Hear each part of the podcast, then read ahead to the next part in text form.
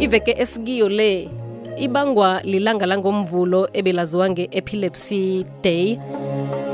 Okulilanga lephasi loke-ke aloke iveke le kufanele kuyeleliswe ngayo. Namhlanje sisilethele lapha ubaba usipho ngwanyane ovela e-epilepsy south africa. Khe simuze ukuthi usiphatheleni okulilwazi mayelana nobulwelwe bokuwa. Lotshani babunkwanyane lotsha mhathi nivukile namhlanje singolosithathu awasivukile emhathini vuka njani? Thina sithewukela singeni yestrike. Alinge Ah. siyafana mhathi nathi sithewukele. Nawuthewukela ngithewukele alright. Eh imisebenzi yona ayitholakale kodwa nakuneminye ngeze yajama efana nale efanele ukuthi nawe ufundise. Eh nami ngibe semhathweni lilanga elikhulu namhlanje sililanga lomhatsho lephasi lonke iye. Siyathokoza ukukhuluma nawe eh langela namhlanje si babunkwanyana usiphatheleni mayelana nobulwelwe be-epilepsy eh lotshani balaleli bekwekwezi. Um into ekhulu engiyiphethe namhlanje iveke le i-international epilepsy week. Njengoba kade sowutshilo mhathi ukuthi ngomvulo beku-international epilepsy day. Siyelelisa abantu khulu ngesifo sokuwa mhathi iveke le.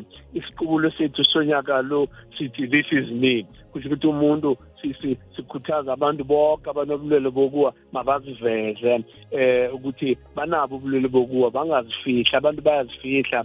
Eh and-ke futhi siyabayelelisa eh nama-advantages ukuthi mabaziveza yini abayizuzako ngoba yabona ma ungazivezi abantu ma ma- mawuwa bukubamba ubulwelo lobo abantu abazi ubonyana bakwenzeni mara mawuziveza wena abantu sese bafundisile eh ukuthi eh, mabenzeni umuntu makawa nawe umuntu makaziveza funeka woke umuntu amtshele ukuthi makungenzeka ukuthi ubulwelo lobu bungibambe ngenze njani. This is me isiqubulo sethu esikhamba naso unyaka lo. Nangambala this is me ziveze. Lokho kucakathekile njengoba ubaba usipho nkwanyane asitsho nje. Babunkwanyane eh akhe sibuyele emuva ngabo ubulwelwe lobu sithi umuntu kuzokwaziwa njani ukuthi mbala unobulwelwe bokuwa ngoba ukuyatha noma ngibana ngasayathe nakathola indaba ezingasimnandi lapho okhunye namkhana ngemtshiso namkhana uma uyazisikimela hlangana nokhunye kuba mathwayo ukuthi asayathe nje. Nakuza kuthiwa u-epileptic kuqinisekisa abantu ngoba abone ini? Um eh mhathi umuntu akasi-epileptic umuntu unobulwelwe bokuwa. Oh okay.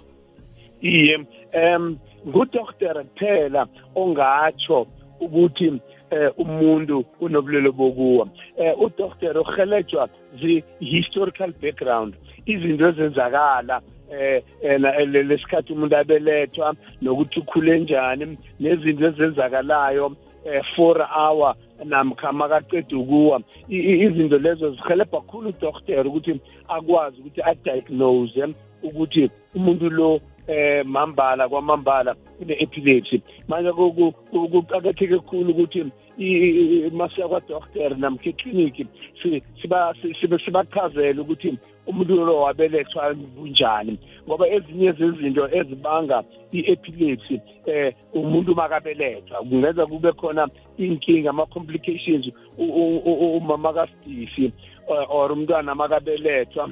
Bese umntwana uvela a- a- a- a- anesifo sokuwa. Eh, yingakho kubalulekile ukuthi a- abomama basidisi jemtele bakhambe baye ngemakliniki abantu eh, abantu bangase bathi awa mina ngizozibambela ngizozibelethisela umntwanami. Funeka abantu baye emakliniki manje i-historical background ihelebha udoktere eh into ezifana nokuthi udoktere i-historical background uzabuza ukuthi wakhe wawa na? Wakhe walimala ehloko wakhe waba sengozini yemoto ngoba abantu abasengozini senkoloyi zenkoloyi kuyenzeka ukuthi babe nabo ubulwele bo- bokuwa lobo namkha abantu ababethiwe abantu ababeregisa indakamizwa manje zonke lezi zinto lezi mawuzitshela udoktere udoktere uyakhona ukudiagnosa kuhle ukuthi eh ngibo ubulwele bokuwa le.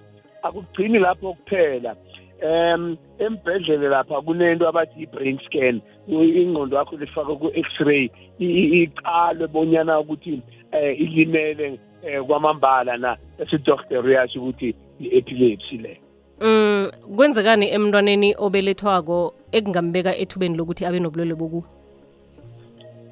um izinto ezifana nokuthi eh zokubelethela emakhaya kungenza ukuthi mawubelethele ekhaya eh umntwana awe awele phasi manje akunanisetshenziswa ezaneleko emakhaya zokuthi umntwana abelethelwe endaweni ephephile namkha uma eh uba nabo high blood uma umntwana angakabelethwa eh into ezinjalo zenza zenza ukuthi umntwana alimale angaka angakabelethwa. O namkha uma usebenzisa izidakamizwa eh notshwala abantu abantu bayasela noma bayahamula abantu noma bayasidisi eh bayabhema basidisi manje yonke into oyenzako iya emntwaneni. Bese umntwana onjalo uvela ingqondo yakhe le ilimele bese uba nobulelo bokuwo sikhulume ngabo kanenge ubulelwe bokuwa thina babusipho ngikwanyane la ehlelweni ngimnawo kodwana-ke mhlambe kunomuntu osanda ukwazi zangikhatshe jamhlokha nasikhulumako ngoba bekungamthindi indaba yobulelwe bokuwa. Yini okucakatheke khulu ekufanele kwaziwe babantu abahlala nomuntu onobulelwe bokuwa namkhana yena ngokwakhe nakaceda ukudiagnoswa siyibala mhlambe imchoga nakho konke ekufanele ukuthi akwenze kuhle. Into eqakatheke khulu abantu abantu abaqeda ukudiagnose abaqeda ukutshelwa ukuthi banobulili bokuwa. Jemdele bazi imithoga abayithathayo bayithathe ngesikhathi. Babathe imithoga yakho uyithatha mangabe uyithatha ngo-eight ungatshentshi isikhathi ubone kusasa soyithatha ngo-ten manje uyoba ne-two hours uthole ukuthi emzimbeni wakho lawo awunamthoga ngeke ube controllable ngeke ulawuleke. Namkha uyithatha early kusho ukuthi uyoba ne-two hours. La ukuthi umzimba wakho une-overdose yemichoga manje kubalulekile ukuthi uma uthatha imichoga imichoga uyithathe ngendlela abodokoteri um nasemakliniki bakutshela ngayo. Abantu-ke emphakathini nabantu abahlala nabantu abanobulwele bokuwo jemdele bazi ukuthi umuntu ubulwele lobu uma bumbamba jemdele enzeni umuntu umcimaka awukuthi angawamhathi uthole bamhatsha ngamanzi bambhemisa inefi eh bafaka nengobho namkha amaballpen ngemlonyeni. Manje into efanele abantu bayenze yokuthoma abantu bangahweleli khulu bathuke umuntu makawili into yokuthoma le fanele bayenze. Into yesibili umuntu bangamsusi la awele khona ne eh bangamane basuse izinto eziyingozi ezingamlimaza umuntu loyo. Um uyabona uyabona mangabe mhlambe kusengozini enkulu ke kuhlanu kwendlela namkha amanzi namkha umlilo njalo ungamchikitisa kancane umuntu. Mara esikhathini esiningi awumsusi ususa izinto eziyingozi ezingamlimaza umuntu lapho. Bese umlalisa ngehlangothi umuntu lo angaqali phezulu namkha aqale phasi. Umlalise ngehlangothi uzame ukusekela ihloko wakhe lekuthi ingalimali ukuya phambili eh ngoba sikhamba isiphethe imicamelo namkha izingubo ungahlanganisa inyawo zakho ihloko yomuntu ilale lapho. Enye into-ke abantu abayithandayo kumuntu makawile emhathi eh babize ambulance mm. i-ambulance ithi yofika la ifunyana umuntu uphaphamile ngoba akuthathi isikhathi. So umuntu makawa jemdela uqala isikhathi mangaphela 6 minutes angakaphaka angakaphaphami then ungabiza i-ambulance. Mara esikhathini esiningi akufiki u-six minutes umuntu uyaphaphama.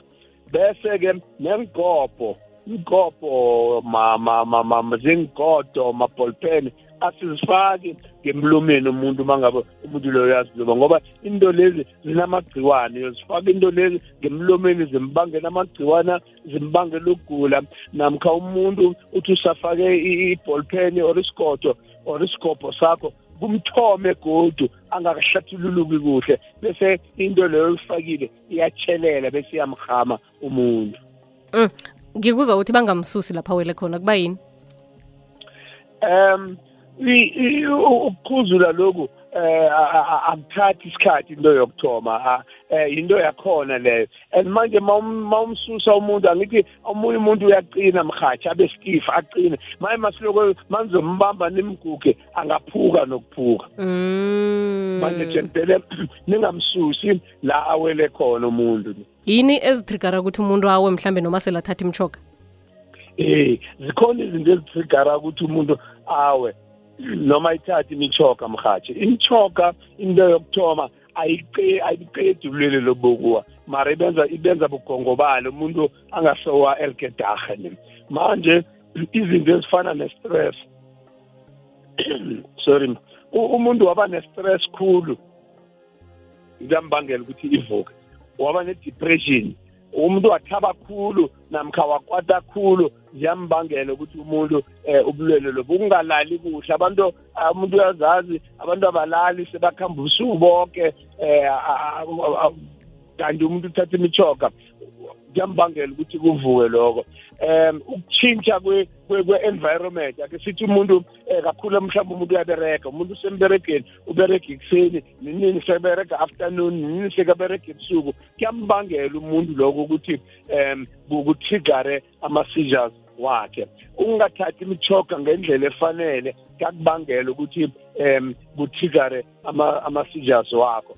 Abomma-ke eh kaningi aboma abanobulwele bokuwa be-epilepsy mabaya basemalangeni um izinga lokuwa liyakhuphuka nabo ngokucala ukuba semalangeni aboma bayazi musukubangelana i-stress lapho manje umuntu wase wacabanga ukuthi heyi ngiye emalangeni sekenza i-stress njalo bese uyawa.